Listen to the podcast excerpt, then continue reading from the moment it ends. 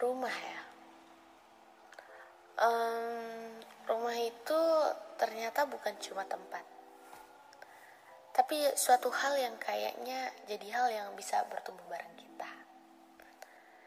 Sama-sama menjadi hal yang nyaman buat satu sama lain. Penghuni yang ngejaga rumahnya dan rumah yang ngelakuin hal yang sama. Di momen yang bahagia, rumah ikut jadi tempat.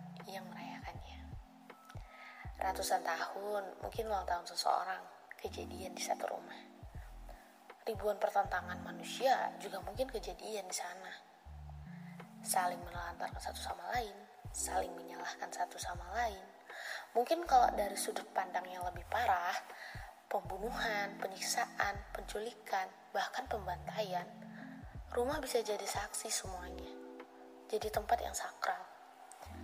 Tapi juga jadi tempat yang menjadikan arti pulang tempat untuk beristirahat. Hal tergelap dan paling terang juga terbagi di setiap sudut-sudut ruangannya. Ramah, gelisah, marah.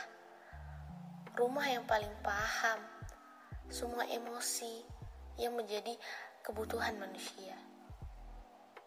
Dan rumah juga bukan cuma sebuah tempat menenangkan, tapi juga ngelihat kembali bagaimana rumah menjadi sebuah batasan yang harus kita dobrak. Itulah rumah menurut kami.